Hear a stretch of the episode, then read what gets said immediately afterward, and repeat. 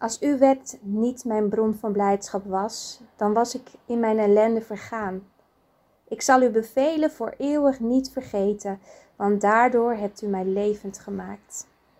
Het zijn prachtige woorden uit Psalm 119, vers 92 en 93. In mijn overdenkingen gaat het vaak over de kwetsbaarheid van het leven. Maar ik hoop dat je ook heel veel ontdekt van Gods grootheid voor jouw leven. Want wij mensen zijn zwak, maar God is sterk. Hij is machtig en trouw. Hij wil met zijn goedheid jouw leven overladen en hij wil je tranen drogen en je diepe vreugde en diepe vrede geven. Broers, zussen, in hoeverre raakt deze God jou? Want als het niet verder gaat dan je hoofd en niet indaalt, dan ligt er een gat tussen het technisch horen en het laten landen in je hart. En dan kan het maar zo zijn dat je de diepe vriendschap die God met je wil sluiten mist. We zijn in het Westen zo gewend geraakt aan het klakkeloos aannemen van woorden, dat we vergeten dat al die woorden uit de Bijbel ook een landingsbaan nodig hebben in ons hart. Het is niet de bedoeling dat je alleen een ja-knikker of een nee-schudder wordt. Het is ook niet de bedoeling dat je net als Martha maar rent en vliegt om Jezus te vriend te houden en zo je geloof op peil te houden.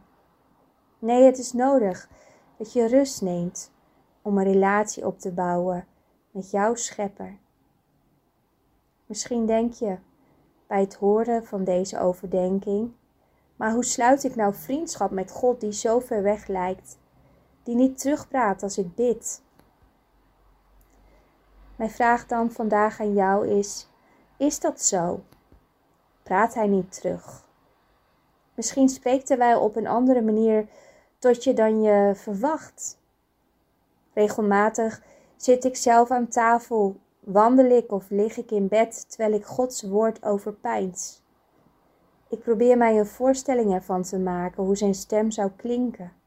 Als hij de woorden die in de Bijbel geschreven staan één op één tot mij zou spreken. In mijn gedachten maak ik beelden van de verhalen uit de Bijbel. En zo, broers en zussen, wil ik ook jou vandaag aanmoedigen om eens op een andere manier de woorden uit de Bijbel te verwerken.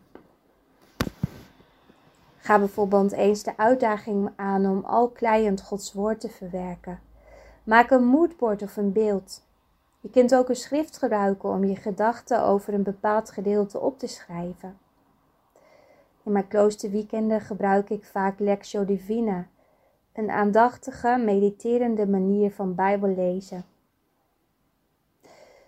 De Bijbel is niet alleen geschreven voor onze ratio. Het is geen boek waarmee we kunnen afvinken of we ons houden aan de wet van God of dat we nog iets beter ons best moeten doen.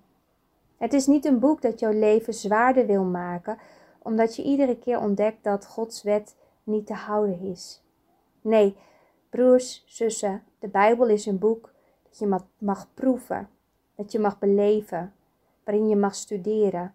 Want de Bijbel is een levend boek en wil je juist helpen om volgens God weg te leven.